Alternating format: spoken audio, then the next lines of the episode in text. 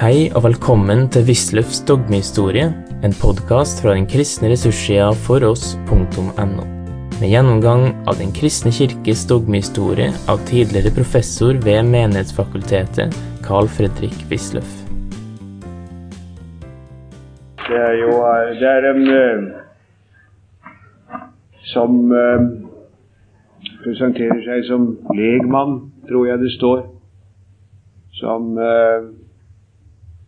har skrevet et stort verk, hvorav dette åpenbart bare er en del.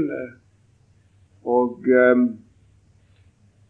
jeg har bare lest bruddstykket foreløpig, har ikke hatt tid til mer, men det er da en sånn kronikk skandaløs. man får vite om alle Kirkens forskjellige synder og forgåelser.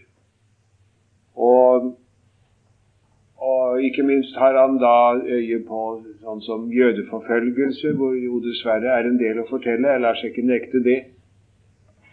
Men man blir litt betenkt. Jeg så f.eks. Paulus, sto det. Han, han kaller jødedommen for skitt. Det var jo en oppsiktsvekkende meddelelse, men det henvises da til eh, det stedet i Filippenserbrevet hvor det står at 'jeg akter det for skarn', den kirkebibelens oversettelse, for at jeg kan vinne Kristus. Jo, heldigvis eh, ytterst sjelden man ser en sånn form for, for sitatteknikk. Det skal være Paulus' bedømmelse av den gamle pakt. En får si det er sterkt ensidig. Ja, nok av det. Jeg, jeg tror ikke det blir pensum, altså.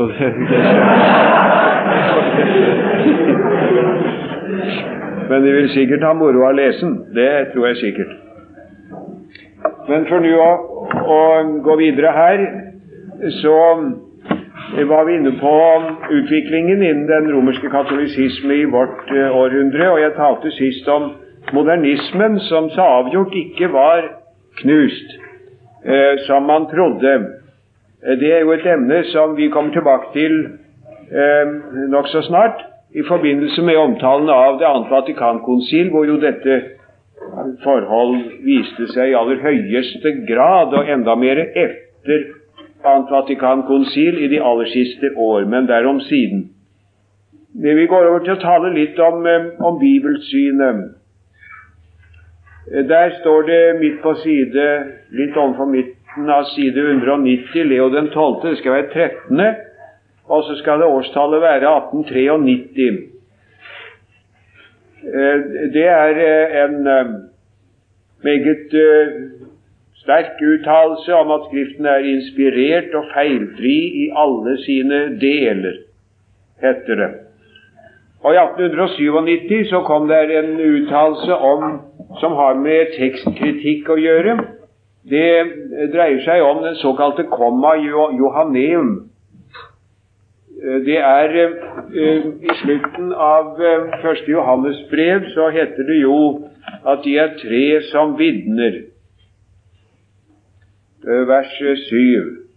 Det er tre som vitner, eh, heter det, og disse tre er én, heter det i vår bibeloversettelse. Men så står det baki, helt baki, hvis de slår aller bakerst, så står det en del opplysninger, og der heter det at uh, i meget sene håndskrifter, noen meget sene håndskrifter, tilføyer Eh, på jorden, nemlig Ånden og vannet og blodet, og disse tre er én i Jesus Kristus. Og eh, det er tre som vitner i himmelen, Faderen, Ordet og Ånden. Det er eh, sene tekstvitner og er for lengst tatt ut av protestantiske bibelutgaver. Men her heter det at det er, må ikke betviles. En har ikke lov til å betvile at dette er sant, heter det her. Utrum tuto negari ut saltem indubium revocari possit. Altså man kan dra det i tvil. Kan man det? ble det spurt, og svaret kommer negative. Punktum. Det er det hele. Man kan ikke, har ikke lov til å betvile det. Nå var jo det nokså sterkt, da. Og senere, langt senere, nemlig i 1927, så har Pius den 11. gitt en uttalelse om at dette utelukker ikke alvorlige vitenskapsmenns fortsatte arbeid med tekstene, men er bare en advarsel imot altfor alt for raske slutninger, heter det. Det får man jo ikke inntrykk av når man leser uttalelsen fra 1897, men, men sånn heter det da altså. En ganske interessant uttalelse foreligger i encyklikaen Divino Atlante Spiritu fra 1943. Under krigen kom altså det. Det er de generibus literaris in sacra scriptura om de litterære arter. Og der resonneres det meget fornuftig om at uh, vi må se på de forskjellige litteraturarter i uh, Skriften. Det er noen som er f.eks. Noen er historiske, har arkeologiske opplysninger. Noen har etnologiske opplysninger, men så kan det f.eks. være en uh, måte å fortelle på. Det kan være en litterær stil, det kan være poesi, og osv. Og, dette må vi da i ethvert enkelt tilfelle vurdere. Vil Skriften her gi oss naturvitenskapelige opplysninger, eller er det bare en, en, en, talemåte, en måte å uttrykke seg på som kanskje egentlig hører hjemme i det poetiske språk osv. Det er jo meget fornuftige ting som har med hermeneutikken å gjøre, for så vidt, eh, her. Det er i humani generi, det er i eh, divino afflante spiritu. Den gamle tid kjente ikke, kjente ikke forskjell mellom sagn og historie, heter det og deres tanker om historien var andre enn våre. Dette er, der går paven altså nokså langt i grunnen i retning av å åpne seg for nyere synsmåter i bibeltolkningen. Men så kommer Humani Generis av 1950. Det er av de aller viktigste uttalelser som er kommet fra pavestolen i den nyere tid. Det er mye snakk om det. Og under, eh, på 60-årene, under eh, det annet Vatikankonsil, så var dette med humani generis ganske ofte fremme i samtalen, og da gjerne med en tone av at ja, heldigvis de tider er liksom forbi, eh, som, som man fikk da. For her er det ganske tydelig at paven er meget engstelig for hvor utviklingen nå fører den romerske kirke hen.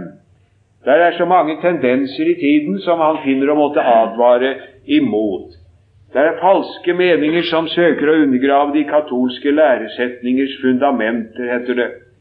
Og han er bekymret over evolusjonslæren. Den er jo på ingen måte vitenskapelig bevist heller. Og den brukes da av den dialektiske materialismes talsmenn til å nivellere all sannhet. Det er ikke noe som er sikkert mere. Og han peker også på eksistensialismen, som, heter det, ikke er interessert i tingenes uforanderlige vesen, men retter sin oppmerksomhet bare mot enkelttingenes eksistens. Altså, han finner også her en relativiserende betraktning som ikke lar noe være absolutt sant.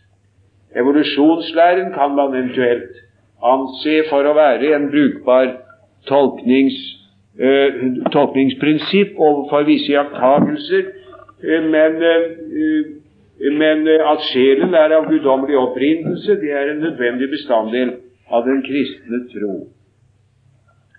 Og så er det andre ting som han eh, også synes er ille og må advare imot. Der er eh, f.eks.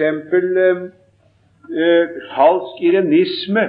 Der er mennesker, sier han, som Eh, ikke lenger fastholder at den katolske kirke har sannheten og hele sannheten.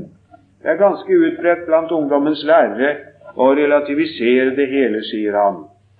Og det er også mye av den moderne tvil på fornuftens evne og mulighet til å kjenne Gud, og der vises det til de kjente tankene i tomismen, som f.eks.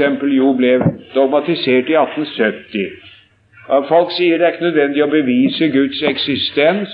Det er han også redd for, for så tror de kanskje i virkeligheten ikke på noen, på, på Guds eksistens. Og så, er, og så er det en ting som han heller ikke liker, og det er den påtagelige tendens, sier han, til å foretrekke de eldre kirkefedre fremfor middelalderens skolastikere. Og det er noe som en kunne legge merke til, og som jo i stigende grad viste seg utover 50-årene og 60-årene, nemlig at uh, vitenskapen var ikke så gruelig interessert i Thomas lenger. Disse spesielle tidsskriftene som, uh, som kom for studiet av Thomas, de fortsatte jo, og fortsetter enda, men det, det blir tynnere liksom og mindre interessant. Og de yngre forskere Eh, som gikk i gang, de vendte seg heller til de gamle kirkefedre, og ikke minst til de greske fedre. Gregor av Nyssa, f.eks., eh, interesserer man seg veldig for. Og Atanasius og flere andre. Det kan føre til, mente paven her, at man trekker Thomas av Aquinos autoritet i tvil. Og det finner han bekreftet også i den iakttagelse at uh, man taler ringeaktende om transubstansiasjonslæren. Og det må ikke skje. Det er noen, heter det her, som uh, sier at transubstansiasjonslæren er en foreldet måte å uttrykke det på, en filosofisk sett tidsbetinget måte å uttrykke sannheten på, hvorved man reduserer Kristi nærvær i Den hellige eukaristi til vesentlig å være symbolsk. Og det er sant nok, det var tendenser, og er stadig tendenser. En transignifikasjon taler man om, f.eks. istedenfor en transsubstansiasjon. Det er jo ganske klart at dermed er man på vei bort ifra realpresensen i nattværlæren. Den følelsen man måtte få ved å lese Humane generis. Og det, sånt blir jo lest også langt utenfor Romkirkens grenser av folk som er levende interessert i sin samtid. Det inntrykk man måtte få, var at det liksom boblet under lokket. At, at, at noe sprengte på, det koker, men samtidig også at paven setter seg på lokket, så å si, og, og vil holde det nede. Og det eh, har jo altså bekreftet seg siden. Vi som her bor i Norge, har meget ringe forutsetninger for å følge med i det som skjer i den samtidige katolisisme. Meget ringe. For vi har så lite av et katolsk miljø. Og vi, vi, vi ser jo f.eks. ikke hadde vi bodd i Köln, så hadde det jo selvfølgelig vært noe helt annet. Hvor vi har katolikker om oss på alle kanter, og hvor en, også en protestant fra barnsben av er mer eller mindre fortrolig med det som der foregår, og hører om det som der foregår, og leser om det. Her må man anstrenge seg dobbelt for å følge med her hos oss. Men endog her kan man jo eh, merke seg atskillig ved å lese de publikasjoner som foreligger, og f.eks. allerede ved å lese Sankt Olav, som er eh, jo uhyre utpreget på den moderne, progressive fløy, men også derom siden. Bibelbevegelsen eh, er noe som også må nevnes i nyere eh, katolisisme. Bibelbevegelsen. Den har, eh, er det grunn til å sperre øynene opp for. Bibellesning ble anbefalt i oldtiden. Og også i middelalderen forekom det oversettelser sporadisk av Bibelen eller deler av, av Bibelen. Eh, nå var det en del kjettere som oversatte, og derfor så kom det forbud mot at lekfolket skulle lese i Bibelen. Men det har aldri vært noe generelt forbud. Du må ikke tro det blir under tiden sagt at Romkirken forbyr lekfolk å lese i Bibelen. Det Eh, er eh, en overdrivelse helt på side av virkeligheten. De forbud som har vært, de, f.eks. England, de har vært sporadiske og diktert av engstelse for f.eks. Wycliffe og Lollardene og sånt noe. Det gjør ikke saken felt mye bedre, syns vi kanskje, men vi, vi skal ikke gå med på de uhyre overdrivelser som ofte promulgeres.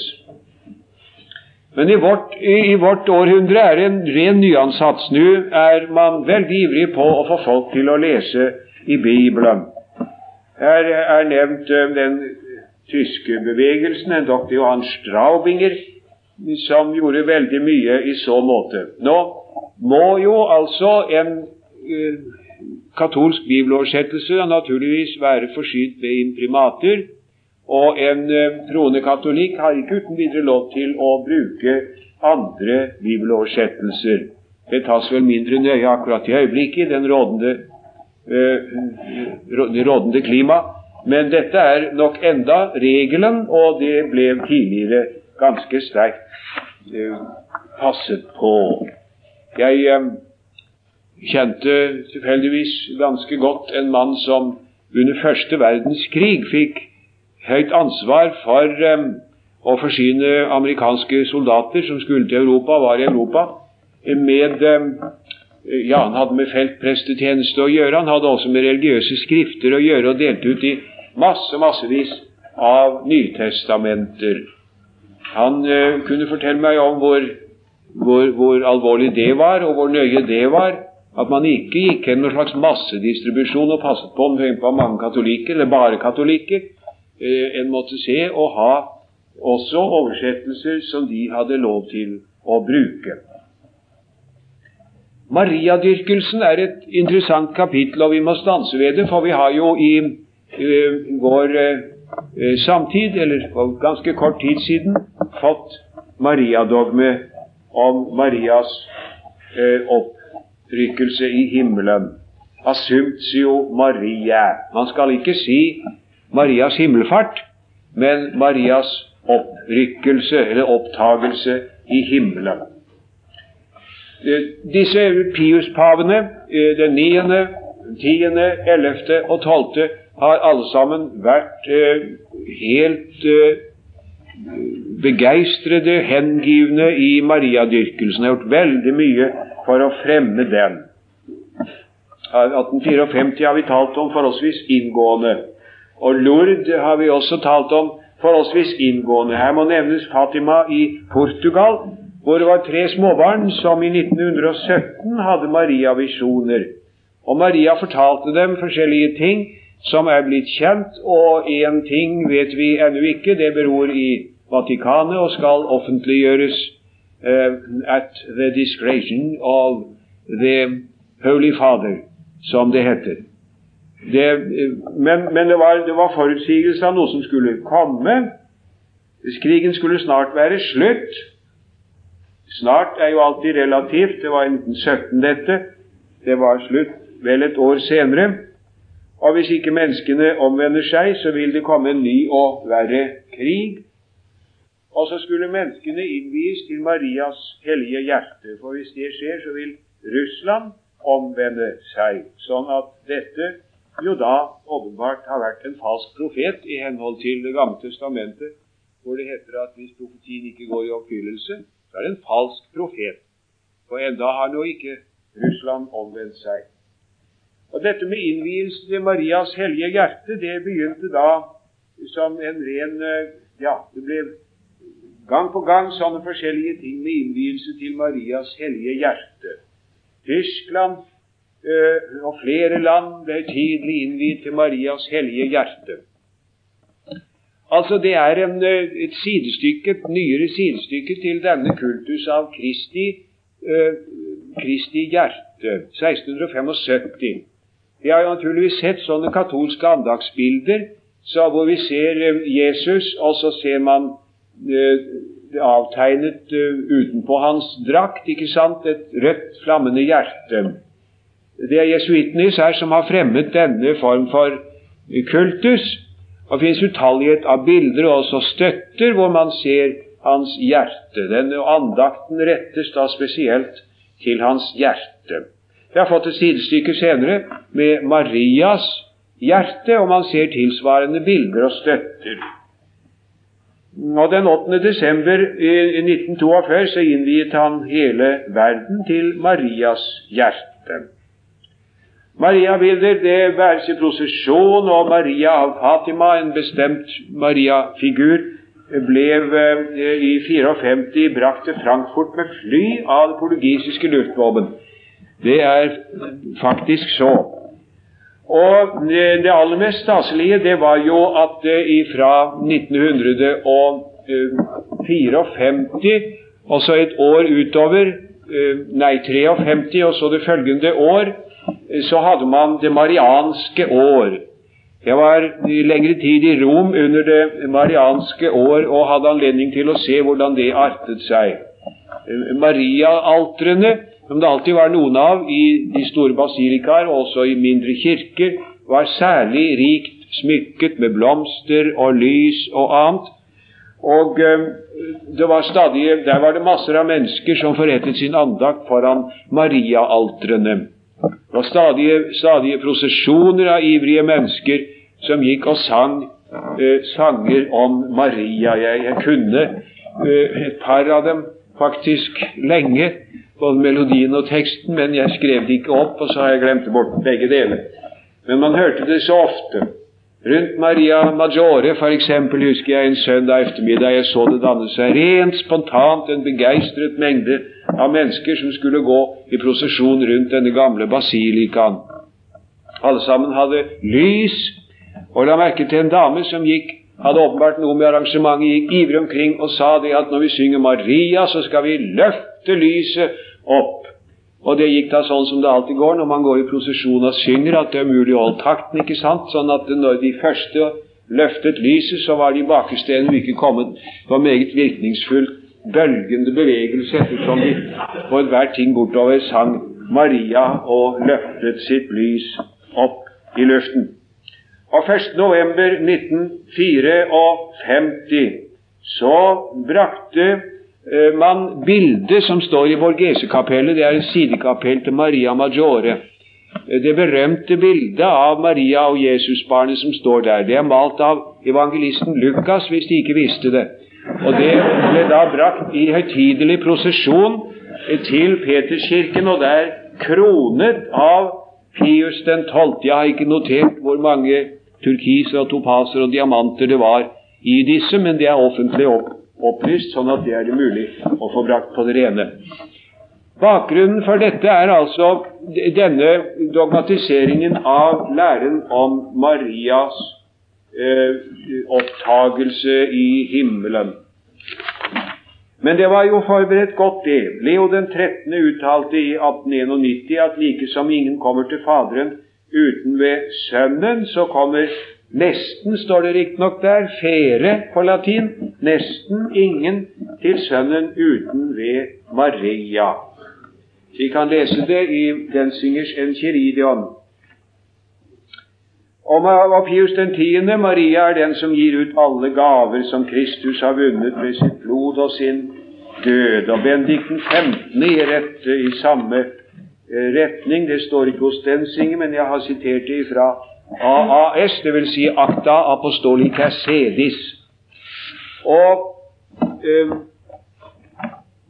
øh, Pius 12. skrev i, i um, denne som jeg nevnte for dem i går, encyklikaen Mystici Corporis Christi, eh, veldige ord om Maria. Så skal de få høre.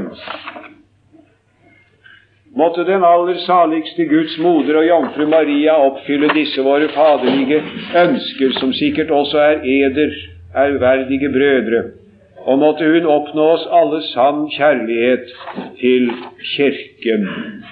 Litt senere fri for så vel arvesynden som for enhver personlig synd var hun alltid på det inderligste forenet med sin sønn, og på Golgata brakte hun, den nye Eva, ham og alle sine broderrettigheter, moderrettigheter og alles, hele sin moderkjærlighet som offergave til den evige Fader for alle Adams barn der var skamskjendede ved Adams fall. Altså, hun ofret Kristus på Golgata. Ved sin mektige forbønn oppnådde hun at vår guddommelige forløsers ånd, der allerede var skjenket oss på korset, på pinsedag kom over den nyfødte kirke med sine underfulle gaver. Det gjorde Maria. Tillitsfullt har vi innviet alle mennesker til hennes uplettede hjerte. Måtte hun alle Kristi lemmers hellige moder, der herliggjort på legeme og sjel nu stråler i himmelen og råder sammen med sin sønn, av ham oppnå at de rikeste nådestrømme uopphørlig må velde fra det opphøyde hodet ned i alle det mystiske legemes lemmer. Måtte hun også i dag som i forne tider tage Kirken under sitt mektige vern, og av Gud snart oppnå den og hele menneskeheten roligere tider. Altså, all nåde formidles ved Maria, eh, hører vi her. Det, det, er altså utrolige former det kan ha. Jeg har nevnt her om Maria del Pilar i Saragossa, som har rang av kommanderende general. Det er altså en forunderlig ting det at det er Maria her og da Maria der. Det er som forskjellige Mariaer. Maria Saragossa og Maria her og Maria der, som man hører om. Og Så kom da uh, dette med Assumptio Maria. Det er 15. august, og det er for så vidt gammelt. Uh, en fest på 15. august for Marias opptagelse i himmelen kan vi konstatere fra det sjette århundret. Men uh, det er i grunnen ingen av de eldre fedre som vet noe å fortelle om det. Epifanius sier at vi vet ikke om hun døde en naturlig død, eller om hun ble drept, eller om hun lever fortsatt på et ukjent sted, sier han. Og, og, og ellers så vet de ikke noe om noen Assumptio Maria, verken Athanasius, Ambrosius eller Augustin. Derimot har vi en, eh, noe som heter Transitus Maria, eh, syrisk håndskrift eh, som er fra det sjette århundret. Eller kanskje det femte, det har jeg nevnt tidligere her en gang. Det er jo altså meget dramatisk, for der fortelles det det at Maria døde. Og så ble alle apostlene som befant seg på hver sin kant av jorden, av hver sin sky, brakt hastig til Jerusalem. Og der eh, begravet de henne da. Men, men hun oppsto uten at de merket det. Det var en derimot som merket det, og det var apostelen Thomas han var noe forsinket med sin sky, for det er så lang vei fra India, eh, Syd-India, hvor han befant seg. Så han møtte Maria faktisk på vei oppover og fikk til hjertegn hennes belte. Eh, og Da han så kom ned, så spurte han hvorfor de sto så sorgfulle. Jo, det var fordi Maria var død. Nei, sa eh, han, det kan hun ikke være. Og de minnet da den vantro Thomas han det var en gang før som han ikke hadde villet, han ikke hadde villet høre på det de sa. Men den gang var det han som tok det siste stikk, for han viste jo frem uh, beltet da. Og så tok de graven opp, og se, den var tom. Uh, og da var det stor glede, og etterpå så reiste de tilbake dit hvor de kom fra, med hver sin sky, som i mellomtiden hadde vært parkert over Jerusalem. Det, det, det, det gjøres uttrykkelig et poeng av det i fortellingen, faktisk, altså, at uh, skyene var der. Og det er jo klart at den som har skrevet dette og ført det i pennen, har jo ikke ment at vi skulle tro det bokstavelig. Det, det, er selvfølgelig en litterær form. Det er en, uh, den fromme, fromme sinns måte å, å, fremheve noe på. Så Han gir seg heller ikke ut for å ha noen kilder til det. Så er helt opplagt at som, som litterær sjanger så, så vil dette Eh, dokument ikke bli tatt i den forstand alvorlig at meningen er vi skal liksom ta det uh, til hente akkurat sånn. Derimot er det klart at den vil fortelle om at hun blir opptatt til himmelen med legeme og sjel. Det er den sannhet som beretningen vil ha frem. Men det er forskjellige sånne, så man vet ikke da om det er, er skjedd i, eh, i Efesus eller i, i Jerusalem. Det er litt forskjellig om det. Og så kom da dogmatiseringen med den apostoliske konstitusjon eh, Musificentissimus Deus 1.11.1950. Eh, Der eh, unngår han å ta stilling til spørsmålet om hvor dette skjedde. Han sier bare 'etter å ha fullført sitt jordiske løp', og går også utenom spørsmålet hvorvidt hun ble opptatt levende, som noen sene overleveringer vil ha til, eller om hun døde og så ble vekket opp, sånn som det står i Transitus Maria, den som jeg løselig hentydet til her. Men det spiller altså ingen rolle efter den katolske overbevisning. For eh, man har tradisjonen. Og hva er tradisjonen?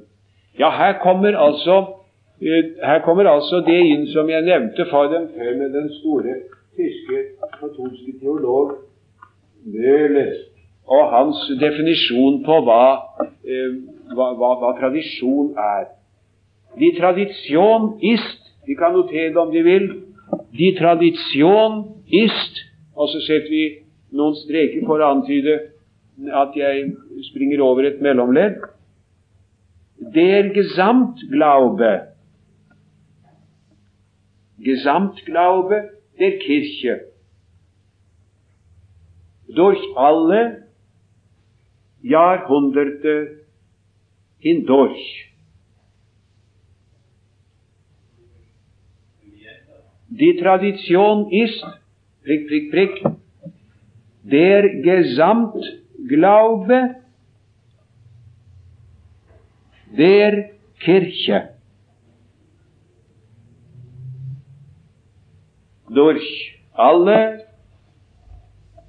Jahrhunderte hindurch.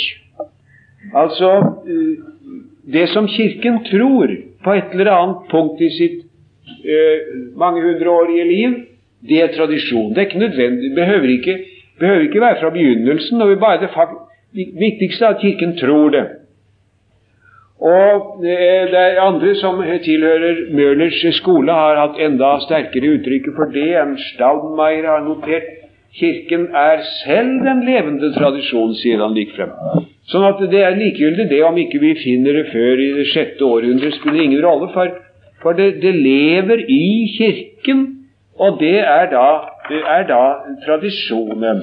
Og Finn Torn, en kjent dominikanerpater her hos oss, skrev et lite, veldig artig skrift som heter Kristus eh, tilbedelse og Maria-vørdnad.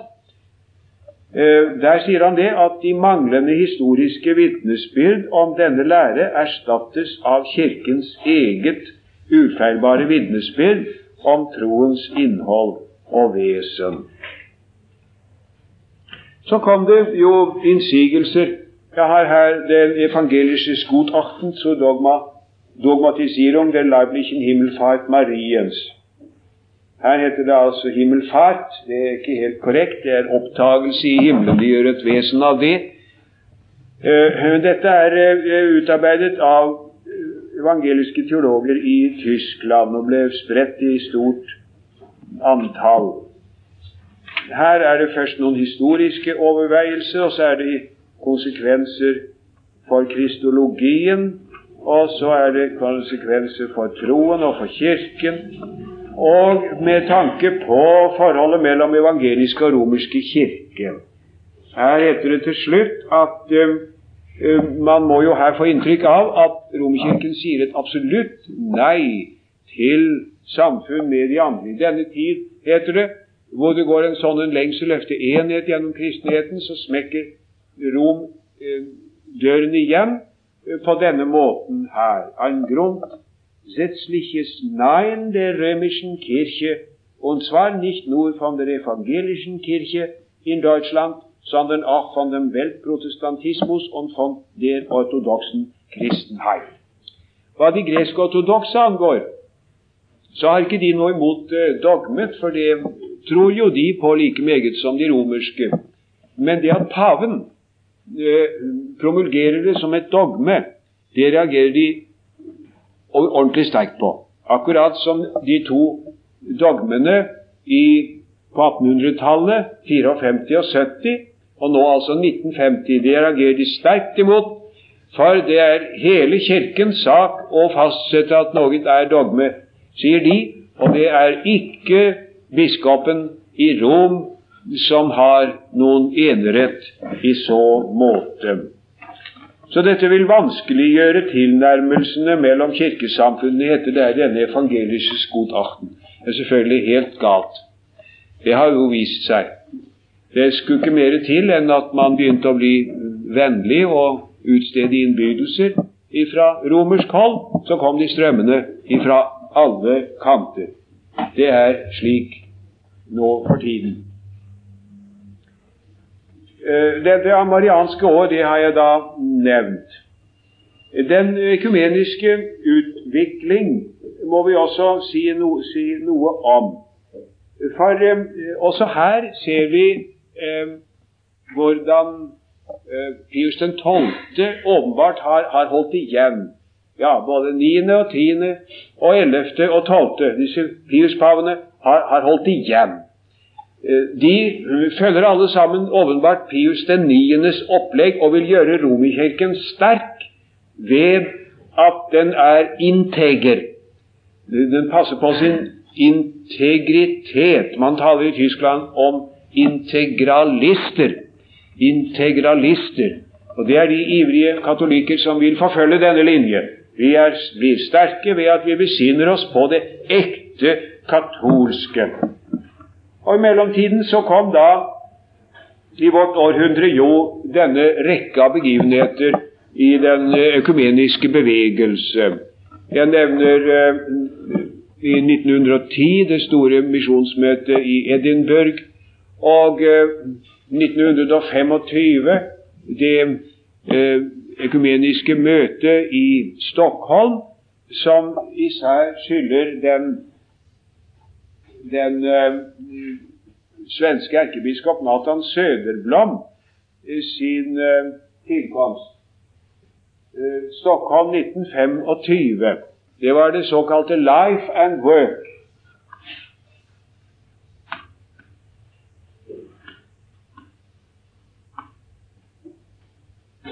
Det var en eh, bevegelse som eh, hadde en bestemt filosofi. Den gikk ut ifra dette at enheten kan vi knapt vente med det første å finne i tro. Vi tror så forskjellig.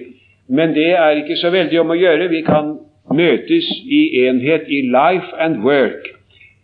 Og som eh, det ble sagt, verden venter ikke på vårt credo, men på vårt amo. Det er vår innsats i eh, tjenende kjærlighet som skal samle kirkene, het det, innenfor denne retningen. Og det var, som de da kan forstå, meget ofte nettopp liberale teologer som var bevegelsens ideologer, uten at det skal sies å gjelde alle. Søderblom klarte å få til dette store uh, møtet i Stockholm, som var den tids uh, virkelig skjellsettende begivenhet. Han hadde vanskeligheter med å få med de, de anglikanske, de høyanglikanske kirkemenn. Men da han også på forhånd greide å få med de gresk-ortodokse, så kom de. Derimot kom ikke paven. Og da var det at Sødeblom kom med den berømte uttalelse som så ofte er sitert ved åpningen av møtet i Stockholm 1925. Han sa nemlig at her samles vi fra alle kanter. Her sitter Paulus, og Paulus, med det mente han da de evangeliske kirker som taler om, om troen. Og her sitter Johannes, og Johannes var selvfølgelig kjærlighetens apostel, det var de gresk-ortodokse. Men Petrus drøyer ennu, sa erkebiskopen. Og hvem Petrus var, det skjønte man jo da også. Det var alminnelig tilslutning i grunnen. Ytterst få sa imot dette, men det var da dem som gjorde det også. Og blant dem må især nevnes erkebiskop Johansson i Åbo i Finland, som prinsipielt og utførlig begrunnet sa nei til den slags form for ekumenikk uten noe trosgrunnlag i det hele tatt. Og To år senere så var det en annen bevegelse som hadde et stort møte. Det var denne gang i Lausanne, og det heter Faith and, and Order. Tro og ja, kirkeforfatning. Det engelske 'order' ligger det litt mer i enn akkurat kirkeforfatning, men vi har vel ikke noe bedre oversettelse. Det var Lausanne i 1927. Der bemøyet man seg nettopp om troen og om kirkeforfatningen. Eh, om det første, van Wölk, hadde et anstrøk av liberal teologi, så hadde dette et anstrøk av eh, høykirkelighet, til dels katoliserende. Ja?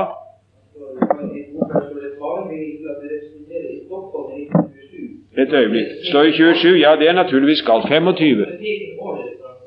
Å, så skal vi se, da. Det er godt at det blir gjort oppmerksom på. vil ikke la seg representere i Stockholm i Da skal det stå i 1925 komma heller ikke i Ja, så skulle det stå life uh, life and Work der, da. I Stockholm i 1925, parentes Life and Work, parentes slutt. Og så skulle det stå heller ikke i Lausanne 1927 Faith and Order. Takk for at vi blir gjort oppmerksom på det. Jeg beklager alle disse skrivfeil. Eh, det, eh, eh, paven ville altså ikke det av encyklikaen Mortalium animos, Mortalium animos, grunngir denne holdningen. Den ekumeniske bevegelse har en falsk forestilling om hva enhet er. Sann enhet gis bare i Romerkirken. Og noen taler om fundamentale trossetninger som en formentlig kan enes på. Det er modernisme. De fikk ikke være med på dette. Men eh, det var jo dem som tok initiativ, og det er denne Ona Sankta-bevegelsen i Tyskland det er grunn til at man kjenner til. Det var ledere fra katolsk og evangelisk side som samlet seg til eh, samtaler om trosspørsmål. Det var en katolsk prest som heter Max Metzger. Han hadde vært feltprest under den første verdenskrig og der mottatt uutslettelig inntrykk av krigens elendighet. Han hatet krig og arbeidet for menneskehetens at skulle, menneskene skulle få fred. Og Hans tanke var at da får de kristne aller først se å, å bli enige og slutte å slåss. Og så grunnla han i 1928 en eh, bevegelse som hette Ona Sankta. Eh, det kom han personlig dyrt å stå. Han ble arrestert eh, under krigen. Gestapo hadde benyttet seg av en provokatør. Det var en angivelig en svensk dame, angivelig en konvertitt og hun hadde forbindelse med erkebiskop Eidem, sa hun. Sa hun, for hun hadde det ikke. Men, uh, tok, men altså Metzger var da uh, uforsiktig nok til å la henne få et brev som hun skulle få sendt til erkebiskop Eidem. Og dette var egentlig stilet til um, engelske kirkemenn. Og dette var under krigen. Og Det er jo naturligvis da høyforræderi. Sånt er ikke lov å gjøre, og ha forbindelse med fienden med tanke på å skape fred. Det har man ikke lov til. Så ble han da arrestert og dømt til døden og halshugget. Den Ona eh, Sankta har spilt en betraktelig rolle i Tyskland, og vel saktens for den ekumeniske bevegelse i det hele tatt. I 1948 så innskjerpet Pius 12 forbudet mot å delta i evangeliske gudstjenester, religiøse samtaler og disputasjoner. Vi fikk ikke lov uten spesiell tillatelse eh, fra eh, kompetent eh, geistlig hold, og da for hvert enkelt tilfelle. Man fikk ikke lov til det. Men jeg tror ikke det har Det er alt som tyder på at man ikke har vært helt lydige i så måte. Noe, noe har det vært. Noe har det vært. Vi kunne f.eks. se med interesse at det var ikke så skrekkelig lenge etter denne cum compertum eh, at eh, det var noen møter her som ble holdt borte i Universitetsgaten 20, især med foredrag av eh, den danske professor Skytsgaard. Og ganske påtagelig å se en viss krets komme sammen der om ganske mange katolikker, både geistlige og leg, folk. Du har nå hørt Wisløffs dogmehistorie. Finn flere ressurser og vær gjerne med å støtte oss på foross.no. Følg også gjerne noen av våre andre podkaster, f.eks. Table Talks.